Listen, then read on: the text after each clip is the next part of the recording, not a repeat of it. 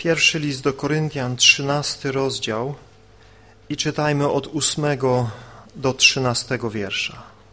Miłość nigdy nie ustaje, bo choć są proroctwa, przeminą, choć języki ustaną, choć wiedza obróci się w niwecz. Po części bowiem poznajemy i po części prorokujemy. Ale gdy przyjdzie to, co doskonałe, wtedy przeminie to, co jest cząstkowe. Dopóki byłem dzieckiem, mówiłem jak dziecko, rozumiałem jak dziecko, myślałem jak dziecko. Lecz gdy stałem się mężczyzną, zaniechałem tego, co dziecięce. Teraz bowiem widzimy w zwierciadle, niewyraźnie, ale wówczas twarzą w twarz. Teraz poznaję cząstkowo, ale wtedy poznam tak, jak jestem poznany. A teraz trwają wiara, nadzieja, miłość. Te trzy. Z nich zaś największa jest miłość. Apostoł Paweł kończy ten trzynasty rozdział listu do Koryntian, pokazując nam po raz kolejny, nie pierwszy, ale po raz kolejny w tym rozdziale wagę miłości. Pamiętajmy o kontekście, w jakim znajduje się ten trzynasty rozdział. Apostoł Paweł mówi o życiu Kościoła, w którym przejawia się duch ku wspólnemu pożytkowi i apostoł Paweł mówiąc o darach ducha, poczynając od dwunastego rozdziału, przechodzi do motywacji, która musi stać za posługiwaniem darami duchowymi w Kościele, jeśli ta posługa ma rzeczywiście być ku wspólnemu pożytkowi. Apostoł Paweł na początku tego rozdziału mówi nam, że jeśli nie mamy miłości, to choćbyśmy mówili językami ludzi i aniołów, choćbyśmy mieli dar prorokowania i znali wszystkie tajemnice, posiadali wszelką wiedzę i mieli pełnię wiary, to wszystko na nic.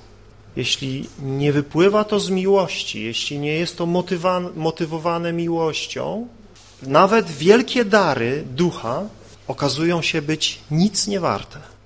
Apostoł Paweł nie neguje darów ducha, nie zrozummy tego źle. On nie mówi, że miłość jest ważniejsza niż dary ducha. Tutaj nie ma czegoś takiego. Mówi o tym, że bez miłości nawet te wielkie rzeczy, jakimi są dary ducha i przejawy Jego mocy w Jego Kościele, nie mają znaczenia. Mówi dalej też o wielkich wyzwaniach, wielkich poświęceniach, że ktoś rozdaje cały swój majątek ubogim, nawet wydaje siebie na męczeńską śmierć. Ale Paweł mówi, że i za tym czasami nie stoi miłość. Że nawet takie działania, działania, które generalnie odczytywalibyśmy no nie inaczej, jak tylko wypływające z miłości. Paweł mówi nie, są przypadki, kiedy to nie jest z miłości i to nie ma znaczenia wtedy. Jeżeli motywem jest coś innego niż miłość, Paweł mówi, daremno się trudzimy, daremno się poświęcamy, daremno cierpimy. To niezwykłe. Przyglądaliśmy się tym różnym wyrazom miłości, jak miłość postępuje, jak miłość się zachowuje, jak miłość wygląda w praktyce, w życiu, w działaniu. Miłość to nie sentyment w sercach, to nie słowa, to nie uczucia, chociaż miłości towarzyszą słowa, chociaż miłości towarzyszą uczucia, chociaż miłości towarzyszą czasami nawet burzliwe doznania, ale to nie jest miłość. Miłość to działanie, to czyny, to postępowanie, to traktowanie drugiego człowieka w taki sposób, w jaki tutaj jest to opisane. I szczegółowo przyglądaliśmy się tym cechom miłości, tym czynom miłości, tym uczynkom, postępowaniu miłości. I Paweł kończy ten rozdział, pokazując nam, że miłość jest ponad wszystkim w takim sensie, w takim znaczeniu, że te różne rzeczy inne, których dzisiaj jesteśmy uczestnikami, przemijają. One są tymczasowe, że nasze tutaj, teraz życie i doświadczenie, nawet doświadczenie z Bogiem, jest niczym w porównaniu z tym, co nas czeka, z tym, co przed nami, gdzie miłość objawi się w całej pełni, gdzie doświadczymy tej miłości w taki sposób, że naprawdę poznamy, co to życie, co to szczęście, co to błogość. Przechodzimy w rozważaniu tutaj do bardzo praktycznych rzeczy. Nie to, że te wcześniejsze nie były praktyczne, ale zajmiemy się w dalszej części rzeczami bardzo praktycznymi w kwestii zgromadzenia chrześcijańskiego, naszego wzajemnego usługiwania sobie w darach, które Bóg nam dał.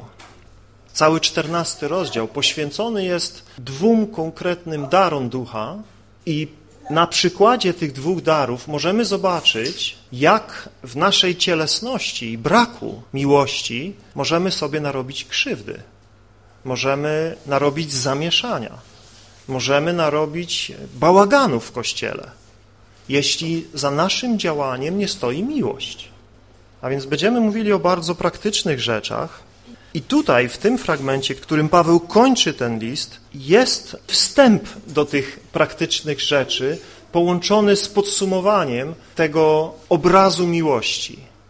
Po pierwsze, w ósmym wierszu czytamy, że miłość nigdy nie ustaje. Tu jest użyte greckie słowo, które ma dwojakie znaczenie. W klasycznej Grece to słowo było używane na przepędzenie ze sceny słabego aktora. Jeżeli w greckim teatrze występował dobry aktor, no to wiadomo, klaskali, wiwatowali, cieszyli się, dawali mu znać, że jest dobrym aktorem, że dobrze gra. Ale jeśli był słaby aktor, to zaczynali syczeć.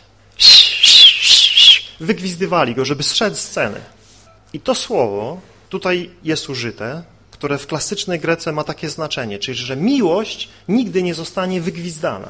Miłość nigdy nie zostanie wypędzona ze sceny Bożego dzieła, ale że miłość pozostaje na tej scenie. Miłość wchodzi na tą scenę i na tej scenie pozostaje w wieczności. To jest jedno ze znaczeń tego słowa. Drugie znaczenie, które bardziej występowało w tej Grece powszechnej, koine, której głównie Nowy Testament jest spisany, to słowo było używane w takim kontekście opadania kwiatu. Tak jak Jakub go używa w swoim liście. Kiedy mówi, że człowiek jest jak trawa, jest jak kwiat, który opada. I tam jest właśnie to słowo. Czyli, że miłość nigdy nie opadnie jak kwiat, że miłość nigdy nie przestanie być piękna, nigdy nie przestanie kwitnąć, nigdy nie przestanie być żywa. Tym sensie miłość nigdy nie ustaje. Natomiast dary ducha, o których dalej jest mowa, mając tutaj cały czas na uwadze kontekst 12 i 14 rozdziału, Paweł tutaj mówi o tym nadprzyrodzonym działaniu ducha, które objawia się w prorokowaniach, różnego rodzaju przemawianiu z natchnienia ducha. Jeśli przyglądamy się użyciu tego słowa, szczególnie w kontekście Starego Testamentu, to widzimy, że to prorokowanie ma bardzo szerokie znaczenie nie oznacza tylko wypowiedzi typu tak mówi Pan. To oczywiście jest jeden z aspektów proroctwa, ale prorokowaniem było nazywane wszelkie przemawianie z natchnienia Bożego. Kiedy Duch Boży zstępował na Bożych ludzi, oni przemawiali w różny sposób. Czasami zapowiadając nadchodzące przyszłe rzeczy, ale dużo częściej wykazując ludziom ich grzech, niewierność, potrzebę zmiany w ich życiu. Również proroctwem nazywane było uwielbianie Boga, śpiew. To też było proroctwo. Gdy Boży ludzie pod natchnieniem ducha wychwalali i wywyższali Boga. Słowo prorokować opisuje tę czynność w Starym Testamencie. I myślę, że niejednokrotnie doświadczyliśmy tej cudownej mocy proroctwa, gdy śpiewamy pieśni i nie tylko my mówimy do Boga, ale Bóg mówi do nas. Gdy my chwalimy Go, gdy my wywyższamy Go, Jego duch przemawia do naszych serc. A więc wszelkiego rodzaju natchnione przemawianie mieści się w tym prorokowaniu. I Paweł mówi, że te rzeczy, te prorokowania zostaną zakończone. Patrzę na literalny przekład i tłumacze próbowali to oddać, będą uznane za bezużyteczne albo stracą na ważności, przestaną mieć znaczenie. Ale dosłownie tu jest powiedziane, zostaną zakończone. I podobne wyrażenie znajdujemy przy tym określeniu wiedza, czy poznanie. Dokładnie to samo wyrażenie jest w Grece, to samo słowo. W naszych przekładach są dwa różne. Nasi tłumacze czasami, moim zdaniem, popełniają błąd, chcąc polepszyć oryginał i próbują go tak urozmaicić i zamiast oddawać te same słowa tymi samymi polskimi wyrażeniami, co nam by pomogło zobaczyć, jak to jest w języku oryginalnym, czasami tłumacze silą się na twórczość i zmieniają te słowa, chcąc urozmaicić dla nas tekst. Czasami nam to pomaga, na pewno jest to literacko przyjemniejsze dla nas, ale czasami zaciemnia znaczenie oryginału. Więc tutaj dobrze jest czasami sprawdzić te rzeczy. Tutaj jest to akurat nieistotne, że w obu tych przypadkach występuje wyrażenie, które mówi, że to zostanie zakończone, to zostanie wstrzymane, to się skończy, w takim sensie, że jakaś zewnętrzna siła zatrzyma te rzeczy. Tu jest użyta strona bierna, co oznacza, że one nie same przestaną to robić, tylko ktoś je zatrzyma. Jeśli chodzi o języki, to tutaj mamy inny czasownik użyty, który oznacza po prostu ustaną, przestaną funkcjonować. I na tej bazie, głównie na bazie tego wiersza, toczy się dyskusja między tymi chrześcijanami, którzy mówią, dary ducha przeminęły, Dary ducha ustały, dary ducha zostały zatrzymane, a tymi, którzy twierdzą, dary ducha są nadal aktualne. Duch Święty nie przestał działać, nadal działa. Dzisiaj się nie zajmiemy tym szczegółowo. Wrócimy do tego tematu, mam nadzieję, przyszłym razem. Chciałbym tutaj przygotować i przedstawić Wam tą historyczną perspektywę Kościoła, jak ludzie w różnych wiekach podchodzili do tego, a szczególnie jak po przebudzeniu charyzmatycznym na początku XX wieku ta dyskusja zawrzała na nowo i niektórzy stanęli bardzo silnie po stronie tego konserwatywnego stanowiska, że dary ducha ustały w pierwszym wieku, a tymi wszystkimi, którzy doświadczywszy czegoś nowego w swoim życiu, doświadczywszy przemiany, odnowy, ożywienia, mówią, że jest to działanie ducha, które znajdujemy w Bożym Słowie. I że chociaż przez tyle wieków nie było tego w Kościele, to nie znaczy, że to ustało w pierwszym wieku. Po prostu Kościół nie, nie doświadczał tego w takiej mierze, w jakiej doświadczył tego na początku XX stulecia to, jak wiecie, zaczęło się dramatycznie rozwijać, tak iż chociaż na początku przez te wszystkie inne kościoły, te tradycyjne kościoły, czy ewangeliczne kościoły zostało potępione jako działanie z dołu, czyli od złego, w latach 60. XX wieku to wszystko przeniknęło do tych kościołów to się rozlało jakby na te wszystkie inne kościoły. To jest tak zwana druga fala wylania ducha, gdzie te kościoły tradycyjne zaczęły tych rzeczy doświadczać i zaczęły to akceptować, zaczęły to przyjmować, zaczęły zmieniać swoją teologię w tej materii. I dzisiaj mamy trzecią falę, w której to wszystko nie tylko jest w tych kościołach tradycyjnych, katolickim, prawosławnym, innych kościołach ewangelicznych, baptystycznym, metodystycznym i wielu innych, to wszystko wychodzi poza Kościół. Coraz więcej ludzi doświadcza tego poza Kościołem i mówi, że w ogóle nie potrzeba im Kościoła i że potrzeba tylko ducha i doświadczenia tych cudownych rzeczy. Także to jest tak zwana trzecia fala.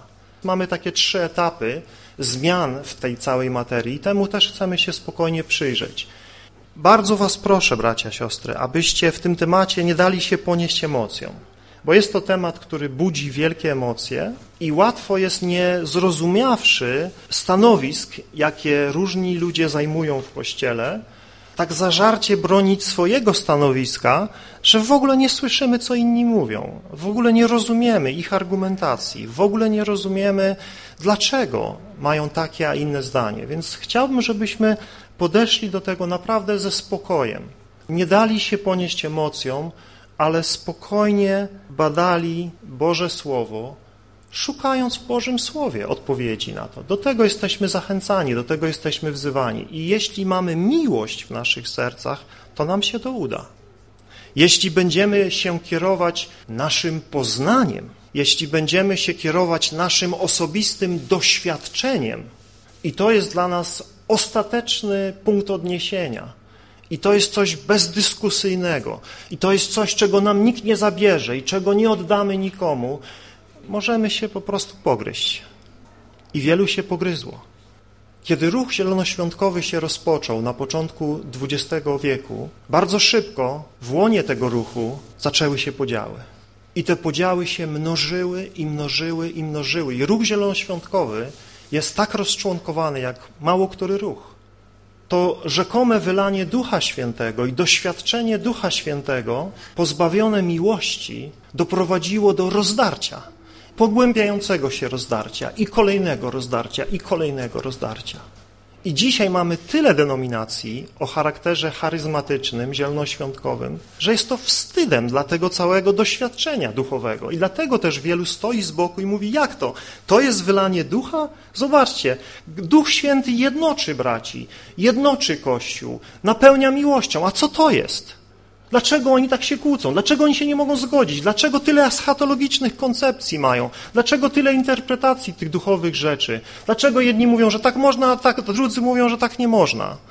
I mamy całą masę złych dyskusji, złych sporów, złych kłótni, w których nie ma miłości. Nie ma uznania tego brata, który myśli inaczej, który doświadczył czegoś inaczej, który przeżył coś inaczej, który rozumie coś inaczej, za brata. Ale staje się wrogiem, staje się oponentem w dyskusji do tego stopnia, że już nie mogą sobie podać ręki, że już nie mogą razem zasiąść przy stole pańskim, że muszą tworzyć odrębne denominacje. Oczywiście, czasami było to wynikiem tego, że ludzie po prostu byli wyrzucani z różnych społeczności za swoje doświadczenia, za swoje przeżycie, za swoje zrozumienie. Co mieli zrobić, tak? Jak zostali wyrzuceni, już nie zamknięto przed nimi drzwi i mówili, do nas nie przychodźcie, tutaj tego nie róbcie, tutaj o tym nie mówcie, no to spotykali się gdzieś tam odrębnie i powstawała nowa społeczność. A więc to w różny sposób się to działo. Ja nie chcę obarczać nikogo winą, nie wskazując konkretnie na dane przykłady, ale chcę, żebyśmy byli tego świadomi, że nasze, nasza niewłaściwa postawa w rozmowach o czymkolwiek w Słowie Bożym, a w szczególności o takich kwestiach, które budzą tyle emocji, może być przyczyną rozłamów, rzeczywiście. Może być przyczyną swarów, kłótni, jakiegoś złego patrzenia na drugiego brata. Ale wierzę, że to ma tylko miejsce wtedy, kiedy miłość nie jest nadrzędną sprawą w naszym życiu. Jeśli prawdziwie miłujemy brata, jeśli prawdziwie miłujemy siostrę, jeśli prawdziwie miłujemy Kościół, nie ma mowy, żebyśmy atakowali brata, siostrę, którzy myśli inaczej, który doświadcza czegoś inaczej. Nie ma mowy, żebyśmy chcieli jakiejś odrębności, ale będziemy robić wszystko, będziemy gotów się uniżyć, tak jak widzieliśmy, miłość się uniża, by szukać y, pojednania z bratem, by szukać jedności z bratem, siostrą, braćmi. Niechaj nam to towarzyszy w tej rozmowie, niechaj nam to towarzyszy w tej dyskusji, gdy będziemy tym rzeczom się przyglądać. To, na co chciałbym dzisiaj zwrócić uwagę, to cząstkowość naszego dzisiejszego doświadczenia ducha i darów ducha. Apostoł Paweł w wierszu dziewiątym mówi po części poznajemy, albo w niektórych przykładach macie cząstkowe jest nasze poznanie. Kto to mówi? Apostoł Paweł? Zauważcie, on nie mówi cząstkowe jest wasze poznanie. On nie mówi cząstkowe jest ich poznanie, ale mówi nasze. A więc ma siebie również na względzie. Po części, mówi, poznajemy, tylko cząstkowo widzimy, rozumiemy, wiemy. Nie wszystko, niedoskonale, ale tylko w jakiejś części. Dalej mówi, tylko po części prorokujemy. A więc również to, co mówimy z natchnienia Bożego, nie jest pełne. Nie jest to wszystko, co jest. Jest w tym tylko cząstka. Jest w tym tylko jakiś element. Ale przecież to możemy powiedzieć, no ale jak to? Zaczekaj. W innym miejscu Paweł mówi, mamy pełnię w Chrystusie. List do Kolosan, drugi rozdział chociażby, czytamy, że mamy pełnię w Nim. pełnię, tak? Boska Jego moc obdarowała nas wszystkim, co potrzebne do życia i pobożności. Mamy pełnię w Nim. No co ty, bracie, mówisz, że cząstkowo? Musimy dobrze rozumieć te fragmenty słowa. Dwunasty rozdział tego listu pokazuje nam, że jesteśmy jak członki ciała, że w naszym funkcjonowaniu w Kościele nikt z nas nie ma wszystkiego i nie zrobi wszystkiego sam, ale że każdy z nas otrzymał jakiś dar, jakąś posługę, jakąś zdolność i możemy zrobić tylko jakiś zakres pracy, który Bóg nam powierzył i do którego nas uzdolnił. W tym fragmencie apostoł Paweł mówi nam, że nasze zrozumienie Bożej prawdy, zrozumienie rzeczy dotyczących Boga, dotyczących naszego życia z Bogiem, duchowych spraw nie jest pełne, ale jest cząstkowe. I to, jak mówimy, to, co ja dzisiaj mówię do was i to, co w tych wszystkich kazaniach, które wypowiedziałem na przestrzeni całego mojego życia, to nie było wszystko, co Bóg ma do powiedzenia, ale to była tylko jakaś cząstka. I ci kaznodzieje, którzy głoszą pięć razy więcej niż ja i którzy głosili dwa razy dłużej niż ja przez 50-60 lat, też nie powiedzieli wszystkiego. Martin Lloyd Jones, wielki kaznodzieja zeszłego stulecia, który głosił w Wielkiej Brytanii, poświęcił na list do Rzymian ponad 15 lat. Niektórzy mi zarzucają, że ja tyle przez ten Koryntian jadę, że poświęciłem dwa lata na Księgę Samuela, jedną, drugą, a on 15 lat. Lata służby, lata pracy, gdzie on potrafił nad jednym wierszem wygłaszać 10 kazań. I myślicie, że wyczerpał ten jeden wiersz? Że wszystko powiedział na temat tego, co tam w tym wierszu jest przez te 10 kazań, które wygłosił? Cząstkowo tylko powiedział. Tylko cząstkowo. Więc ja się nie silę, żeby wyczerpać temat, bo wiem, że to jest niemożliwe. I wy nie oczekujcie ode mnie, że ja wyczerpię jakiś temat i nie mówcie, a jeszcze tego nie powiedziałeś, jeszcze tamtego nie powiedziałeś. No pewnie, że nie. No właśnie pogadajmy o tym. Jak nie powiedziałem, to pogadajmy o tym. Porozmawiajmy, tak? Przyjrzyjmy się temu. Nie stajemy tutaj po to, żeby wyczerpać jakiś temat i odpowiedzieć na wszystkie pytania i rozwiać wszelkie wątpliwości, odkryć wszelkie tajemnice. Nie, nasze zwiastowanie jest cząstkowe. Mówimy tylko jakąś cząstkę tego, co jest Bożą wielką prawdą. W cząstkowym zrozumieniu, jakie posiadamy. Ale Paweł mówi w wierszu dziesiątym, że gdy przyjdzie doskonałe, wtedy to, co cząstkowe, przestanie mieć znaczenie. I tu znowu jest dokładnie to samo słowo, które tam było użyte wcześniej. Zostanie usunięte, zostanie zakończone. Paweł mówi tutaj o przyjściu doskonałości. I mówi, gdy przyjdzie doskonałe, to wszystko, co dzisiaj jest w naszym doświadczeniu cząstkowe, skończy się, przestanie mieć znaczenie. Przestaniemy mieć w tym udział, ale będziemy mieli udział w doskonałym zrozumieniu, w doskonałym poznaniu. Nasza komunikacja ze sobą, nasze mówienie do siebie z natchnienia ducha będzie doskonałe, będzie pełne. Już nie będziemy musieli się dopytywać, co masz, bracie, na myśli, nie będziemy musieli definiować naszych pojęć, nie będziemy musieli tłumaczyć tego, co już wydawało nam się dobrze powiedzieliśmy, a ktoś to opacznie zrozumiał wszystko będzie jasne i klarowne. Jak dalej Paweł mówi, poznamy tak, jak jesteśmy poznani przez Boga. Nie w takim stopniu, myślę, ale w takim sensie. To nasze poznanie będzie prawdziwym poznaniem, w którym nie będzie już tych cieni wątpliwości, w których już nie będzie tych aspektów niezrozumienia. Ale w tej mierze, w jakiej jako stworzenia Boże możemy poznać, poznamy i zrozumiemy i nasze wątpliwości zostaną rozwiane. Gdy przyjdzie to, co doskonałe. I tutaj na tym wierszu znowu jest dyskusja i polemika. Cóż jest to doskonałe? Tradycyjnie przez historię Kościoła większość biblistów rozumiała to jako przyjście tego czasu, gdy już będziemy z Bogiem. O czym świadczy moim zdaniem dalszy kontekst i co to wyrażenie o doskonałości, przyjścia doskonałości w innych miejscach Pisma jest używane na opis tej nowej rzeczywistości, w której znajdziemy się, gdy powstaniemy do nowego życia, kiedy będziemy mieli udział w zmartwychwstaniu i będziemy już w tej nowej rzeczywistości z Jezusem Chrystusem. Natomiast niektórzy w tej dyskusji na temat darów ducha uznali, że to doskonałe coś innego oznacza.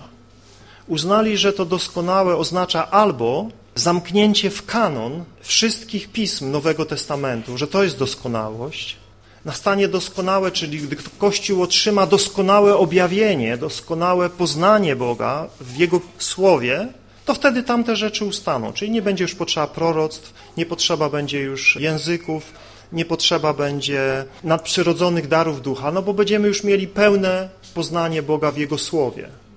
I z taką argumentacją możecie się spotkać. Niektórzy w ten sposób to odczytują. Gdy Pismo zostało święte już całe, zebrane w kanon, nie potrzebujemy już darów ducha, nie potrzebujemy działania ducha, ponieważ mamy w ręku Pismo i to jest wszystko, co potrzebujemy do życia i pobożności. Mamy w nim pełne objawienie Boga. A tamte rzeczy były dane, żeby to objawienie przynieść, żeby to objawienie potwierdzić. Niektórzy tak to rozumieją. Inni znowu, sugerując się następnym wierszem, który mówi o tym byciu niemowlęciem dosłownie, a później o męskiej dojrzałości, mówią o pewnym okresie dzieciństwa Kościoła, czyli czasy apostołów to było dzieciństwo Kościoła. Wtedy Kościół dopiero się narodził, wtedy właśnie nie było całego Nowego Testamentu, wtedy dopiero powstawały te księgi Nowego Testamentu. Wiecie, Ewangelie były pisane kilkadziesiąt lat po Chrystusie, 60, 50, 60 rok, listy później 50, 60 do 90, objawienie. Więc to się działo na przestrzeni lat. To nie było tak, że oni, wiecie, już w Jerozolimie mieli cały Nowy Testament i wszystkie listy i objawienie i wszystkie Ewangelie. Nie, nie. To wszystko było ustnie podawane. Więc ludzie wiedzieli tylko cząstkowo, tak? wiedzieli tylko tyle, co udało im się usłyszeć, zapamiętać z tych spotkań z apostołami, czy później tymi posłannikami apostołów i tak. Więc niektórzy rozumieją to w ten sposób, że Kościół w pierwszym wieku to był Kościół dziecinny. To był taki okres niemowlęctwa Kościoła. I gdy już Kościół dojrzał, gdy już cała ta prawda apostolska została spisana, ujęta znowu w kanon Pisma, i Kościół już się dowiedział, no to stał się dojrzałym mężczyzną. I wtedy zaniechał tego, co dziecięce. Zaniechał prorokowania, zaniechał mówienia językami. Jeśli spojrzycie historycznie na tą sprawę, rzeczywiście wydaje się, że u kresu pierwszego wieku niewiele już było przejawów ducha, niewiele było darów, niewiele było uzdrowień, niewiele było jakiegoś nadprzyrodzonego działania. Drugi wiek, gdzieś tam pojedyncze przypadki, tu i tam gdzieś jakieś słuchy, ale główni ci historycy kościelni, główni ci apologeci chrześcijaństwa, pisarze kościelni prawie nie mówią o tym. Pojedyncze wzmianki możemy znaleźć i to też kontrowersyjne. Czwarty wiek, oni już nie wiedzą, nie rozumieją w ogóle, o czym Paweł tutaj mówi.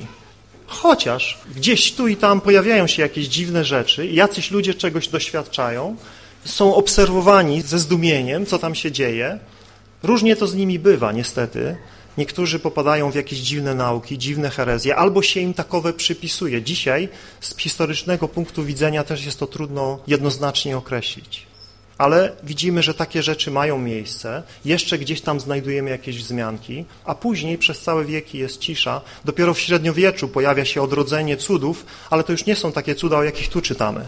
To już są cuda katolickie cudowne uzdrowienia czy wskrzeszenia, bo tam kawałek krzyża mają, bo tam jakiegoś świętego mają fragmenty zwłok i tego rodzaju cuda się nagle zaczynają dziać w średniowieczu. Obawiam się nieprawdziwe ale rozdmuchiwane, żeby tą wiarę obudzić, żeby ludzi do czegoś zmotywować, żeby chcieli wierzyć, potrzebowali jakiegoś znaku, potrzebowali jakiegoś cudu, więc im takowe serwowano. I dopiero tak naprawdę XX wiek zaczyna się wybuch czegoś nowego co jak widzimy dzieli Kościół i do dzisiaj mamy w tej materii dyskusje, zmagania, dużo niewiadomych, dużo wątpliwości, bo dzieją się dobre rzeczy i dzieją się złe rzeczy. W tym samym jakby nurcie, w tym samym niby doświadczeniu widzimy całą masę różnych rzeczy, i teraz w tym wszystkim się odnaleźć, teraz to wszystko zrozumieć, teraz to wszystko jakoś poukładać. To jest ogromne wyzwanie i nie sądzę, że nam się to uda, ale spróbujemy. Spróbujemy chociaż się temu przyjrzeć, spróbujemy o tym chociaż porozmawiać, żeby nam te rzeczy przybliżyć i żeby też sami weryfikować nasze doświadczenia, nasze zrozumienie. Zauważmy, że apostoł Paweł tutaj rzeczywiście posługuje się dwoma obrazami, które mają zobrazować tą cząstkowość i przemijalność. Apostoł Paweł mówi, gdy byłem niemowlęciem, dosłownie tu jest takie słowo, bo w języku greckim, tak jak w naszym języku, jest różnica między dzieckiem a niemowlęciem. I tutaj Paweł mówi, gdy byłem niemowlęciem, gdy jeszcze nie umiałem dobrze mówić. Mówi, gdy byłem niemowlęciem, mówiłem jak niemowlę. Rozmawiałem jak niemowlę. No to jak to dziecko mówi? Jak to dziecko rozmawia? Ci z was, którzy mieli do czynienia z niemowlętami, wiedzą, że ciężko się dogadać z takim niemowlęciem. Co mu dolega? Co ono chce? Ono coś mówi, tak? Po swojemu. Najczęściej płacze, krzyczy. Ale to nie jest zbyt czytelne, to nie jest zbyt zrozumiałe. I Paweł mówi, że on mówi o sobie, tak? Mówi, gdy byłem dzieckiem, gdy, gdy byłem niemowlęciem, mówiłem jak dziecię, jak niemowlę, niemowlę, rozumiałem jak niemowlę, myślałem jak niemowlę. Co to niemowlę myśli? To dopiero zagwostka. Co ono sobie myśli? Śmieje się nagle, nie wiadomo z czego, za chwilę płacze, krzywi się. No, co ono sobie tam myśli w tej główce, nie? Coś tam myśli. Pewnie jakoś tą rzeczywistość postrzega wokół siebie, jakoś reaguje na to, co dzieje się. Ale to jest, jak porównamy to z wiekiem dojrzałym, kiedy już, jak Paweł dalej tutaj mówi, gdy wyrosłem na, na mężczyznę, to przestałem tak się zachowywać, przestałem tak mówić, przestałem tak myśleć. Czyli mówi o jakimś innym okresie, w którym już to wszystko nabiera innych wymiarów. Teraz o czym Paweł mówi? Czy mówi o niemowlęctwie Kościoła, czy mówi o czasie, kiedy jeszcze nie było Pisma, czy raczej porównuje nasz obecny stan z naszym cząstkowym zrozumieniem i z naszym cząstkowym przemawianiem w duchu do tego, co będzie tam, po drugiej stronie, że jak porównamy to, co my dzisiaj wiemy, jak porównamy to, co my dzisiaj myślimy, jak porównamy to, jak my dzisiaj głosimy i wyjaśniamy te wielkie prawdy Boże, jak tam się znajdziemy, to będziemy na to patrzeć jak na mowę niemowlaka, na myślenie niemowlaka, że to było tak dalekie od pełni i doskonałości, jaką to jest. Porównuje to poznanie, które będziemy mieli z naszym poznaniem obecnym i z naszym przemawianiem do tego, co tam zobaczymy i zrozumiemy, jak będziemy w stanie komunikować i opisywać te rzeczy. Dalej mówi, drugi obraz używa. Teraz widzimy w zwierciadle. I kiedy mówimy zwierciadło, czy lustro, to myślimy o naszych współczesnych lustrach, w których jak staniemy przed nimi, no to wszystko w nich widać. Ale w tamtych czasach nie było takich luster, jakie my mamy. W tamtych czasach to był jakiś polerowany metal. Próbowaliście kiedyś przeglądać się w polerowanym metalu? Nie były to doskonałe lustra, że nie było widać wielu w nich szczegółów. Było tam wiele takich rzeczy, które trzeba było naprawdę się e, wpatrywać, żeby coś tam zobaczyć. I Paweł mówi, teraz tak widzimy. Nie widzimy wyraźnie, ale mówi wówczas twarzą w twarz. I to mnie przekonuje, że tutaj nie jest mowa o spisaniu Nowego Testamentu, że tu jest mowa o jakimś okresie niemowlęctwa, bo nie widzę, żeby Kościół po spisaniu Nowego Testamentu nagle zobaczył twarzą w twarz i nagle zobaczył wyraźnie i już nie było wątpliwości, już nie było dyskusji, już nie było sporów, ale wręcz przeciwnie, to wszystko się rozmnożyło. Jak spisali ten Nowy Testament, jak już go złożyli, to nagle zaczęli dyskutować i ci na wschodzie rozumieją inaczej, ci na zachodzie rozumieją inaczej. Ten biskup rozumie tak, tamten biskup rozumie inaczej. Zaczynają dyskutować, zaczynają się ze sobą spierać. I gdzie tutaj jest oglądanie twarzą w twarz? Mówi, teraz poznaję cząstkowo, lecz wtedy poznam tak, jak jestem poznany. Pytanie, czy tak już wie, czy tak już poznaliśmy? Czy tak już rzeczywiście zrozumieliśmy i czy Kościół po swoim okresie niemowlęctwa pierwszego wieku, czy po okresie spisania Nowego Testamentu poznał tak, jak należało poznać? O, do jaką w ciemność Kościół wpadł. W jaką ciemność weszli chrześcijanie, którzy mieli w ręku całe Pismo Święte. A co dzisiaj się dzieje? Gdzie my dzisiaj jesteśmy? Iluż to ludzi przychodzi do nas z Pismem Świętym w ręku i jakie brednie wygadują? Jakie kłamstwa wygadują, jakie zwodnicze nauki wyciągają. Jakże my zmagamy się z różnymi kwestiami. Nie widzimy twarzą w twarz. Nasze poznanie nie jest pełne, nie jest tak, jak Bóg nas zna. Poznamy tak, jak jesteśmy poznani, czyli przez Boga, tak to rozumiem. No nie wiem, jak to inaczej mogę rozumieć. Jesteśmy więc w pewnym dylemacie, jesteśmy w pewnym zmaganiu. Natomiast potrzebujemy tego słowa bardzo, byśmy nie wzbijali się w pychę w naszym zrozumieniu, byśmy nie przyjmowali postawy nieomylnych, jak wiecie, niektórzy przyjęli, jak to się dla nich źle skończyło i nadal jak to dla nich źle trwa. Pewni ludzie w Kościele uznali, że są nieomylni. Powstał dogmat o nieomylności papieża I co papież ex katedra powiedział, to było taki amen i bez dyskusji. Ale to nie tylko Kościół rzymski miał takie pomysły. W wielu innych mniejszych grupach religijnych, sektach, odłamach chrześcijaństwa te same idee. Powstawali pomazańcy, którzy twierdzili, że oni mają jedynie monopol na prawdę i tylko to, co oni mówią, i tylko to, jak oni wykładają, i tylko to, jak oni interpretują, jest właściwe i słuszne, i tylko tego należy się trzymać. I my sami możemy popaść w taki obłęd. I my sami możemy wzbić się w pychę i myśleć, że nasze zrozumienie jest pełne i że inni nie rozumieją tak dobrze jak my, inni nie widzą tak dobrze jak my, tak wyraźnie jak my. Jeśli nie weźmiemy sobie do serca tych słów, które tutaj są zapisane, możemy sobie samym i wielu innym nastręczyć masę problemów i masę cierpienia. A więc ten fragment przestrzega nas przed myśleniem, że już wiemy, jak należy wiedzieć, że poznaliśmy, jak należy poznać. W innym miejscu apostoł Paweł mówi, jeśli ktoś sądzi, że już poznał, jak należy poznać, to jeszcze nic nie poznał.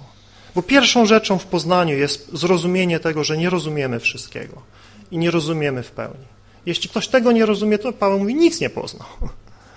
A więc od tego musimy zacząć. To powinien być punkt wyjścia w naszym poznawaniu, że jeszcze jest ciągle coś, co możemy poznać. Jeszcze jest coś, czego nie widzimy w tym momencie. Jeszcze jest coś, coś czego nie rozumiemy dzisiaj. Jeszcze są właśnie te kolejne etapy, o których też dzisiaj Sławek nam mówił i do których nas zachęcał. Byśmy nie zatrzymywali się na żadnym etapie naszego chrześcijaństwa, ale wiedzieli, że to, co dzisiaj mamy, zarówno w naszym poznaniu, doświadczeniu, zrozumieniu, praktyce, nie jest to wszystko, co jest. Jeszcze są nowe rzeczy. I obyśmy mieli tę pokorną postawę. Boże, ucz mnie. Boże, prowadź mnie dalej. Panie, objawiaj mi. I byśmy uważnie słuchali braci i sióstr, co mają nam do powiedzenia, co Bóg im objawia, co Bóg w ich życiu czyni, abyśmy się mogli wzajemnie od siebie uczyć i wzrastać. I na koniec, jeżeli te rzeczy, o których Paweł tutaj mówi, są cząstkowe, pytanie, czy inne są pełne. To bardzo ważne pytanie, bracia, siostry. Są sfery naszego życia, w których pragnęlibyśmy pełni tutaj i teraz. Ja to rozumiem. Kiedy cierpimy, kiedy przechodzimy przez trudne okresy naszego życia, chcielibyśmy doświadczyć pełni Bożej. Chcielibyśmy doświadczyć wypełnienia się wszystkich obietnic Bożych. Pytanie, czy to, co Paweł tutaj mówi, dotyczy tylko tych rzeczy, które wymienił, czy dotyczy całego naszego doświadczenia Chrystusa, całego doświadczenia Jego zbawienia. Czy już dzisiaj doświadczamy zbawienia, które Jezus Chrystus nam zgotował na krzyżu w całej pełni, we wszystkich aspektach, we wszystkich barwach i kolorach i elementach tego zbawienia, czy doświadczamy go tylko cząstkowo? Czy mamy już pełnię ducha, chociaż niektóre miejsca tak mówią, czy mamy zaczątek ducha, jak inne miejsca mówią? Czy dążymy do pełni, dążymy do poznania i do dorastania do pełni wymiarów Chrystusa, ale wciąż nam brak? Czy może jest możliwość dojścia tutaj na ziemi do takiego miejsca, gdzie będziemy mieli wszystko i będziemy pełni? Apostoł Paweł u kresu swojego życia składa nam świadectwo, mówi, bracia, ja jeszcze nie osiągnąłem. Apostoł Paweł składa nam takie świadectwo, a niektórzy dzisiaj twierdzą, że już osiągnęli. Niektórzy dzisiaj są bardziej duchowi niż apostoł Paweł, właśnie patrzą na niego jak takiego niemowlaka w wierze, a siebie uważają za dojrzałych, tak jak niektórzy Koryntianie zresztą go traktowali. Szczególnie w drugim liście to zobaczymy, gdzie Paweł mówi, wy już jesteście królami na tronach, wy to już naprawdę wszystko osiągnęliście, a my to jak takie łachy, łachudry jesteśmy, mówi. W waszych oczach nic, nic nie znaczymy, jesteśmy tacy mali, jesteśmy tacy nieznaczący, a wy to już nie wiadomo co. I tak dzisiaj wielu chrześcijan myślę, myśli o sobie. Patrzy na ten pierwszy kościół, patrzy na ich doświadczenia, patrzy na ich zmagania, na ich problemy i mówi, eh, my to już tam jesteśmy daleko do przodu. Czy rzeczywiście? Czy rzeczywiście? Kiedy ja czytam listę apostoła Pawła i przyglądam się jego zrozumieniu Chrystusa, które ja cząstkowo rozumiem to, co on ma do powiedzenia, podziwiam Jego głębie uchwycenia tych tajemnic Bożych. Mówię, Boże kochany, ile jeszcze potrzebuję zrozumieć, ile jeszcze potrzebuję się uczyć. Nie jest to jedyny fragment, który mówi nam o tym, że pełnia, która jest w Chrystusie i temu nie zaprzeczamy. Tutaj musimy zrozumieć tą subtelną różnicę między pełnią, która jest w Jezusie Chrystusie, a naszym doświadczeniem tej pełni naszym udziałem w tej pełni. Apostoł Jan mówi nam, że już jesteśmy dziećmi Bożymi. Prawdziwie jesteśmy dziećmi Bożymi. Ale czy mamy już wszystko, co jest dziedzictwem dzieci Bożych, teraz tutaj? Czy mamy tylko cząstkę tego, co jest naszym dziedzictwem w Jezusie Chrystusie? Jak czytamy tego typu słowa, to Paweł pokazuje nam, że to, co dzisiaj mamy, to jest tak jak niemowlę i dorosły człowiek. Tyle z tego wiemy, tyle z tego rozumiemy i tyle o tym możemy mówić, ale to, co nas czeka, jest daleko, daleko większe od tego wszystkiego, co dzisiaj jest naszym udziałem. To nie jest tak, że przejdziemy przez próg wieczności i a, no trochę nam się poprawiło nie, to będzie szok. To jest zupełnie inna rzeczywistość, to jest zupełnie inne istnienie, to jest zupełnie inne poznanie Boga i poznanie tego, kim jesteśmy w Jezusie Chrystusie dzięki dziełu krzyża. I bracia i siostry, to jest niezwykle ważna rzecz w naszym życiu, jeśli to, tego się trzymamy, a mamy się tego trzymać. To jest właśnie ta nadzieja, która pozwala nam przejść przez ciemne dni, przez ciemne chwile, przez kryzysy, przez zmagania, przez przeciwności tego życia. Paweł mówi, jeśli tylko w tym życiu pokładamy ufność, jeśli nasze chrześcijaństwo zamyka się w tym, co teraz tutaj mamy i tym, co, czego tutaj doświadczamy, to mówi, jesteśmy najbardziej pożałowania godni ze wszystkich ludzi. Chrześcijanin to człowiek, który ma oczy zwrócone ku górze, ku tym rzeczom, gdzie jest Chrystus, nie tym, co tu na dole. Te rzeczy na dole są, nie to, że my ich nie widzimy, że my je ignorujemy, że jesteśmy ich nieświadomi, nie, one są. Ale to nie jest nasze dziedzictwo, to nie jest nasze domostwo, to nie jest nasz, nasze królestwo. My jesteśmy tutaj tylko przechodniami, jesteśmy tutaj tylko pielgrzymami. My zdążamy do tego doskonałego, Chrystusowego życia w wieczności. A tutaj, co czytamy, wzdychamy obciążeni. Wzdychamy obciążeni, jęczymy, boli nas, cierpimy, zmagamy się, nie domagamy w różnych sferach ale żyjemy nadzieją błogosławionego zmartwychwstania. Żyjemy nadzieją przyjścia Królestwa naszego Pana Jezusa Chrystusa. I jeśli tak jest, to w naszych sercach jest modlitwa Kościoła przyjdź Panie Jezu. Jeśli zaś szukamy tutaj, na ziemi Królestwa, jeśli tutaj szukamy pełni Chrystusa, jeśli tutaj szukamy doświadczenia wszystkiego, co Chrystus dla nas zdobył, to ciągle się w tych rzeczach, na nich się skupiamy, o nie się modlimy, za nimi tęsknimy, je pragniemy i to jest wszystko w naszym życiu. I Paweł mówi, jeśli tak myślimy, jesteśmy pożałowania godni. To nie znaczy, że nie mamy modlić się o te rzeczy, z którymi się tu zmagamy. To nie znaczy, że nie możemy spodziewać się doświadczenia cząstki mocy i działania ducha w naszym życiu. Tak, chcemy, jak naj, żeby ta cząstka była jak największa, ale bądźmy świadomi, że nie ma tutaj pełni. I nie łudźmy się, że jest. Nie wierzmy tym, którzy mówią, że jest pełnia, już za rogiem. Już są tacy, ja słyszałem niejednokrotnie takich, którzy mówią o tej pełni i mówią, a ona ciągle za rogiem jest, ona już zaraz będzie, ona już zaraz będzie, I tak z roku na rok, zaraz, zaraz będzie, zaraz przyjdzie. I ludzie czekają, czekają, czekają na tą pełnię i ciągle jej nie ma, nie? ale oni wierzą, oni ciągle, bo oni ciągle ich obiecują, że zaraz, zaraz, zaraz już będzie pełnia. Pełne portfele, zdrowie pełne i piękno pełne i wszystko pełne. Ale tego ciągle nie ma. Oni dalej starzeją się, Niektórzy mają dziurawe portfele, niektórzy mają ciągle kłopoty ze zdrowiem i tak dalej, ale im się ciągle obiecuje pełnię w Chrystusie, wszystko w Chrystusie i tak dalej. Tylko tego ciągle nie ma. Tutaj Paweł nam wyraźnie pokazuje, że nasze doświadczenie, nasze poznanie, działanie ducha dzisiaj w naszym życiu jest cząstkowe. Natomiast gdy przyjdzie ten dzień, gdy wejdziemy w doskonałość, wtedy te rzeczy doświadczymy ich w pełni. Tej nadziei musimy się trzymać, bracia, siostry. Paweł kończy to rozważanie mówiąc, a teraz, i to teraz nie oznacza teraz w czasie. Tutaj raczej jest to, a więc, jakby podsumowuje to wszystko, mówi, a więc trwają, i tutaj też ciekawe, w języku greckim niegramatycznie mówi to. Używa czasownika liczby pojedynczej do liczby mnogiej. Nasi tłumacze, przynajmniej ci tutaj, który ja mam przekład, zamienili to, zrobili na liczbę mnogą. Ale tam nie ma, nie trzeba tego poprawiać. Paweł celowo zrobił pewien gramatyczny błąd mówiąc teraz trwa, nie trwają, trwa wiara, nadzieja, miłość. Te trzy. On mówi o tych trzech elementach jako o jednym elemencie.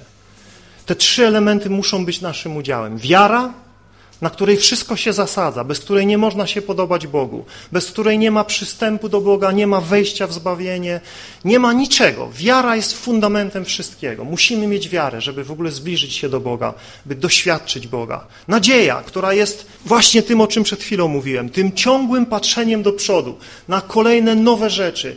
Wiara się zasadza na tym, co było i na tym, co jest. Nadzieja patrzy w przyszłość. Nadzieja oczekuje, że są jeszcze kolejne rzeczy, są nowe rzeczy i są te ostateczne, wielkie rzeczy. I miłość. Te trzy. To musi być razem, to musi to być naszym udziałem. Wiara, nadzieja, miłość. Wiara bez miłości jest martwa. Miłość bez wiary jest niemożliwa. Wtedy mówimy o innej miłości, nie o tej miłości, o której tutaj Paweł mówi.